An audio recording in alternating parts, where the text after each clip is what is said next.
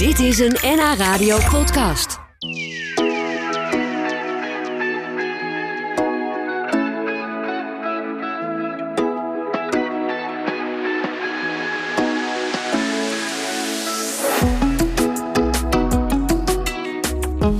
Voor jeugdzorgorganisaties is het moeilijk om pleegouders te vinden voor kinderen die tijdelijk permanent niet meer thuis kunnen wonen.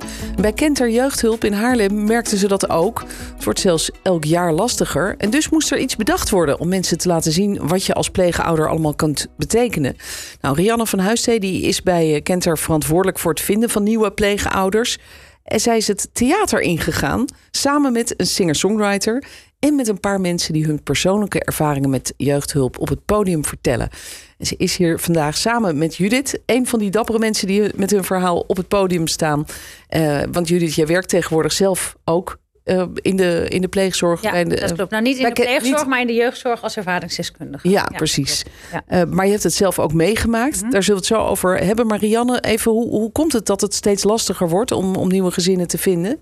Ja, daar zijn allerlei uh, theorieën over. En je weet het natuurlijk nooit precies. Maar we zien wel na de corona dat er een uh, terugloop is. Ah, ja. Ja. Dus denk ik, ja, na corona zijn echt heel dingen veranderd. Ja, want tijdens corona hadden mensen misschien wat meer tijd en ruimte. Ja. Dat ze dachten, hé, ja. hey, dat kan misschien wel bij ons. Ja, en ik denk, Paul, daarna wilden mensen ook gewoon weer even de vrijheid hebben. Maar het, zijn, ja, het wordt een deel onderzocht, maar het was natuurlijk nooit helemaal je vinger op te leggen. Nee. En volgens hebben we natuurlijk ook een, een, een uh, energiecrisis. Uh, vorige hele Oekraïne-oorlog die ontstond, gaf heel veel onzekerheid aan mensen. Ja, ja. Maar er wordt ook wel gespeculeerd dat er wordt steeds meer uh, verwacht dat mensen participeren in maatschappijen, als mantelzorg of wat dan ook. Dus dat, dat kunnen allemaal dat zijn hypotheses waarom het toch uh, ja. wat moeilijker wordt. En het is natuurlijk ook iets wat je niet zomaar even nee, doet. Nee, dat nee, je op maandag niet. besluit van kom laten we Zeker een, pleegkind in huis aan. Nee, nee, nee. Het moet echt wel een goede keuze zijn. En wij nemen ook altijd echt de, de tijd en de ruimte om goed uit te zoeken met mensen of het uh, geschikt is. Want Ja. we willen ook voor de mensen die het doen wel goed zorgen. Ja, En niet dat het een vervelend of een heel moeilijk verhaal wordt. ja dat Dus lijkt dat, me dat ook. trainen inderdaad. het kost Ja. ook het even. Ja. Ja, Mhm. maar het is dus lastig om die gezinnen te vinden. En toen dacht jij, kom, we gaan het theater in. Hoe, Ja. hoe ontstond dat idee? Ik Ja. het heel creatief, maar Ja, nou, ik, het is een, een- ik ben persoonlijk altijd heel erg aangetrokken tot levensverhalen. Dat vind ik echt fantastisch. Vaak hoe toch een leven kan lopen en hoe, hoe je soms alle kanten weer op beweegt. Hè? Eh, Steve Jobs noemde dat ook ooit, ooit connecting the dots. Hè? Dat je pas achteraf kan kijken, het een leidt tot het ander. Dus dat vind ik altijd hele mooie verhalen. Dus speelde ook al een tijdje mee in mijn hoofd. En toen dacht ik ineens vanuit deze functie... laat ik dit gewoon bij de pleegzorg doen. Waarbij ik echt de, de verschillende posities in de pleegzorg ga benaderen. Dus ik laat meerdere mensen spreken. ja. Dus een, een, een pleegkind, een pleegmoeder, maar ook een moeder. Van hey, hoe is dat nou als, eh, als een kind in pleegzorg belandt? Ja, en, en er ja. zit ook muziek in die voorstelling. Zeker, En ja. We kunnen even een klein stukje daarvan laten horen. Want die singer-songwriter, die eh Nora Lee heet Nora ze. Lee, ja. Die heeft een prachtige stem. En zij zingt dus blijkbaar in die voorstelling een Ja. aantal liedjes. Ja. En laten we even een klein stukje luisteren. Ja. I feel too big for my too bulky for my skin. If you got nothing good to say, you better hold it in. So we raise generations afraid of their own truth, and the ones who call you out, we label them as rude.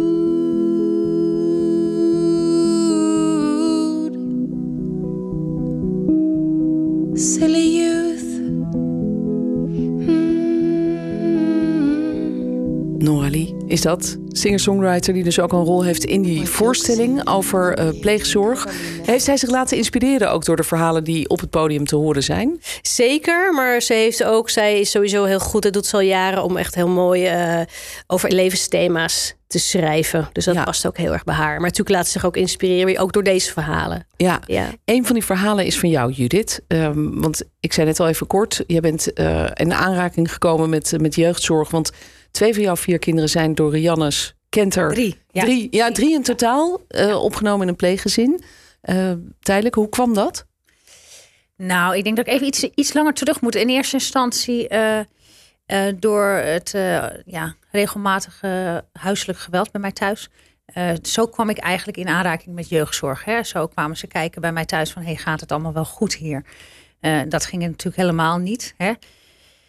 Ehm, ik kon altijd wel praten. Ik, ik, ik, ik, stond ook altijd open voor alle hulp. Hè? Dus dat was ook. Ik werkte verschrikkelijk goed samen met iedereen. En ik, uh, hè, dan kwam er die ambulante hulp weer thuis. En, alleen ik had natuurlijk één groot geheim. En dat was dat ik ook nog heel erg in actief gebruik was. En dus eigenlijk alles wat. Wat bedoel je? In, ik, ik, ik, was verslaafd. Dus ik, uh, ja, ik, ik, ik uh, dronk heel veel. Ik gebruikte cocaïne. Ah. Ja, maar echt op dagelijkse basis. Dus um, uiteindelijk kon ik alles wat ze me probeerden te leren, waardoor het beter zou gaan, hè, kon ik helemaal niet in uitvoering brengen. Ja. Uh, door, mijn, door, door mijn gebruik. En jeugdzorg wist dat niet? Die, die hoorde vooral jouw probleem met het huiselijk geweld. Ja, en... ja, ja dus daar, dat was in eerste instantie. Uh, en toen eigenlijk, toen ik met mijn laatste man uit elkaar ging, toen, uh, toen heeft hij toch wel geroepen naar hun van ja, maar zij drinkt echt elke dag, de hele dag door. Uh, en toen zijn ze eigenlijk een beetje daarmee bezig gegaan. Uh, toen had ik een aantal maanden niet gedaan. Maar op een gegeven moment sloop het er toch weer in. Kon ik het toch weer voor elkaar krijgen om, om een paar dagen te... Ja, uiteindelijk is het weer zo misgegaan... Uh, uh, dat uiteindelijk mijn ex-man een filmpje heeft gemaakt van mij. waarin ik in gebruik was om twee uur s middags. En die heeft hij doorgestuurd. Die dag zelf was ik er niet zo blij mee. Nee. Uh, nu ben ik hem eeuwig dankbaar. Hè? Ja? Eigenlijk, ja, absoluut. Eigenlijk al heel snel was dat gegaan hoor. Ja. Want dit is voor jou het keerpunt, is het keerpunt geweest. geweest. Ja, want het ging natuurlijk helemaal niet goed met mij. Ik kon niet meer natuurlijk ook. Ik moest ook al die ballen de lucht in houden. Uh, alleen ja, mijn angst was gewoon dat uh, als ik eerlijk zou zijn over wat ik zou drinken en wat ik zou gebruiken, dat mijn kinderen dan uit huis uh, werden geplaatst. En dat je ze dan misschien voor, voor altijd kwijt zou zijn. Dat, dat zo, zo, zo'n beeld had ik. Zo'n beeld had ik zeker. En, en, en ik denk dat het ook wel een stukje door de media komt. Hè? eigenlijk, eigenlijk alleen de verhalen die ze, die ze, die ze oppikken, hè? mijns inziens hoor, zijn de verhalen die niet goed misschien zijn gegaan. Of dat ze misschien toch één kant van het verhaal horen. Hè? En dat er soms ook wel een andere kant is. Ja, nou die, uh, die horen we gelukkig vandaag van jou. Want ja. die andere kant is dus dat, dat het voor jou eigenlijk heel goed is geweest... dat er uiteindelijk is ingegrepen. Mm, absoluut. Uh, ja, en eigenlijk kinderen... de dag zelf hoor. De dag van de uithuisplaatsing uh, kon ik me eindelijk overgeven. Want nogmaals, wat ik net ook zei, ik was helemaal op eigenlijk. Ja. Uh, en het was ook niet een huid. Weet je, heel veel mensen hebben ook een beeld van een uithuisplaatsing. Hè? Dat het, uh, natuurlijk moet dat, is, gebeurt dat ook wel eens. Hè? Als mensen heel erg opstandig worden, ja, dan moet de politie erbij komen. Dan wordt het een verschrikkelijke dag voor ja. iedereen. Uh, alleen omdat ik rustig was, hè?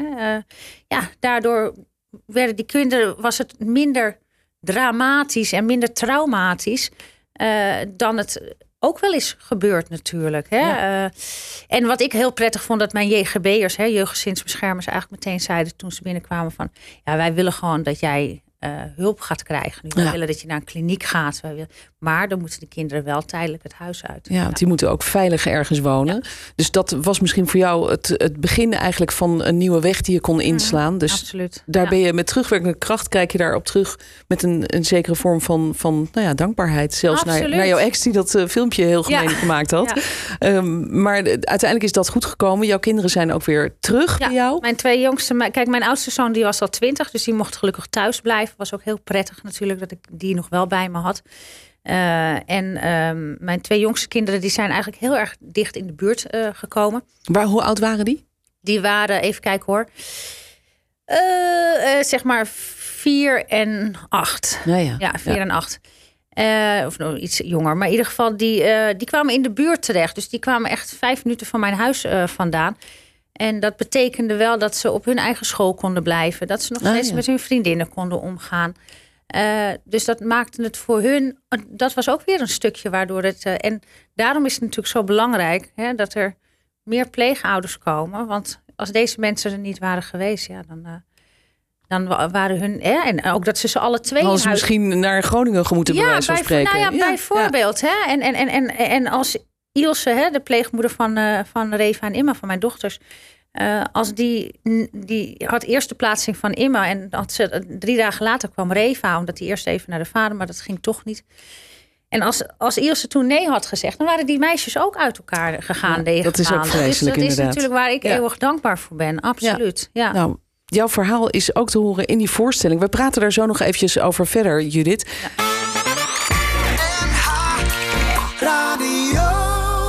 Hoe, hoe is dat om dit toch voor jou ongetwijfeld pijnlijke verhaal iedere keer weer te moeten vertellen. Of nou, moeten te vertellen. Want je wil het zelf. Uh, maar hoe is dat? En ook voor een groot publiek. Nou, ik, ik denk, kijk, je zegt pijnlijk verhaal. Natuurlijk, het eerste stukje is pijnlijk. Eigenlijk het, pijnlijkste mijn ervaringspijnlijkste dat ik al die jaren in actief gebruik ben geweest. dus al die jaren uh, mijn verslavingsproblematiek niet onder controle had. En dat, daar vertel ik natuurlijk ook een stukje over. Dus dat is voor mij misschien nog wel het pijnlijkste stukje. Uh, en dan de dag van de uithuisplaatsing. Ja, daar heb ik net ook wel iets over verteld. Dat is voor mij eigenlijk een dag van een nieuw begin. Hè? Dus, dus toen, toen vanaf dat moment ging het alleen maar beter. Ja. En uh, ja, toen ik natuurlijk negen maanden kind was, zijn mijn twee jongste kinderen in eerste instantie teruggeplaatst. En uh, een jaar geleden is mijn uh, andere zoon, die 16 is, hè, die, is als, die is alleen in, ja, toch wel ver weg terechtgekomen. maar dat was weer goed voor hem. Hè, Ja. Want hij had ook Had de afstand misschien ook wel nodig? hij had af, nou, voor hem, hij had wel andere eh, gedragsproblematiek. Ook door een moeder die, eh, die in gebruik was. En eh, vaak een vader of een stiefvader die ook niet de allerbeste rolvaders waren. Eh, wa- waardoor hij ook zich ging afzetten. Dus die pleegvader heeft eigenlijk hele mooie dingen voor hem weer betekend. Hè? Ja. bijvoorbeeld, bijvoorbeeld van speciaal onderwijs waar hij niet eens welkom meer was, naar nu regulier onderwijs. Dus Ja, ja. Dat soort mooie dingen heeft die man ook bereikt. Dus Het heeft heel veel voor jou en voor je gezin betekend, Absoluut. die pleegzorg. En, Ja. en, en dat is eigenlijk ook natuurlijk waarom je meedoet met deze voorstelling. Want Rianne, ik kan me voorstellen dat jullie natuurlijk hopen dat mensen die komen kijken misschien denken: hé, hey, zou ik daar ook wat in kunnen betekenen? Ja, zeker. Zeker. Ik weet- denk dat we het heel fijn vinden om mensen hierin te inspireren. En een van de redenen is, ik werk al nou, iets van 25 jaar in de pleegzorg. En dat valt me altijd op dat toch, ik, het is bijna een eigen wereld. Ik zeg altijd de wereld van pleegzorg. Dat mensen vaak echt geen idee hebben wat wij eh, meemaken, wat we zien, wat we horen. En that's life. Dat is gewoon wat er gebeurt. Dus dat vind ik ook echt mooi om mensen te laten zien. En dat is eh, heel veel verdrietige dingen, maar er zitten ook weer echt mooie pareltjes tussen over Ja. wat het weer eh, kan brengen. En natuurlijk, als mensen enigszins voelen, ik overweeg het al een tijdje, of het komt wat in mijn hoofd op. Kom gewoon eens kijken. Ja, Je hoeft Ja. niks. Je kan gewoon lekker kijken en kijk maar of, of, je, of je erop aangaat. Of je denkt, hé, hey, dat is misschien wel iets voor mij. Ja, want je hoort van Judith dan in elk geval het verhaal hoe het, hoe het jou en jouw gezin geholpen heeft. dat, dat jouw kinderen een tijdje in een ander gezin hebben Absoluut. gewoond. Uh, we horen in die voorstelling ook het verhaal van een, uh, een meisje dat zelf in de, als kind Ja. in een pleeggezin heeft gezeten.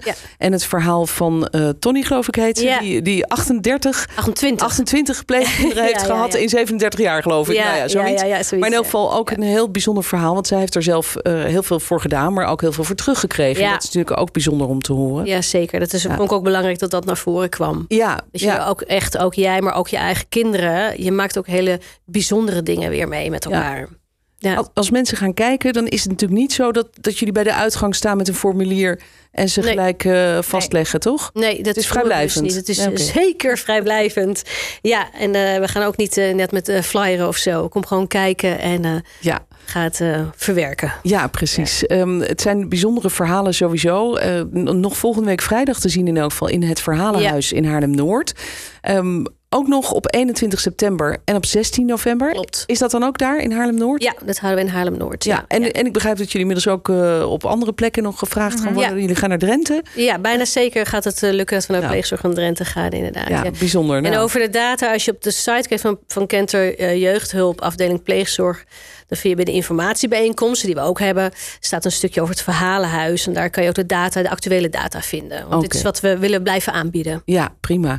Nou, eh, dan wilde jij nog even zeggen, Judith, dat je ook een boek aan het schrijven bent. Dus dat Ja, komt eind dat van het jaar uit. Dus Ja. dat is ook bijzonder. Ja, absoluut. Hoe heet Ja. het? het? eh, Nou, het gaat heten Mama is verslaafd. Eh, Daar ben ik nu al, denk ik, anderhalf jaar mee bezig met een ghostwriter. Oké. Steven. En Nou. Ja, dat gaat een heel mooi boek worden met, een, eh, met het eerlijke verhaal, het echte verhaal. Ja. Met alle mooie en eh, alle lelijke kanten eigenlijk van eh, een moeder die eh, verslaafd is. Maar wel met een goede afloop. Ja, dat is fijn. Dan hopen we jou tegen die tijd weer te spreken. Zeker, Eh, succes daarmee. Dank Dankjewel. dat jullie er waren, Rianne en Judith. Dank Jij je ook wel. bedankt. Dit was een NH Radio podcast. Voor meer, ga naar nhradio.nl. Radio.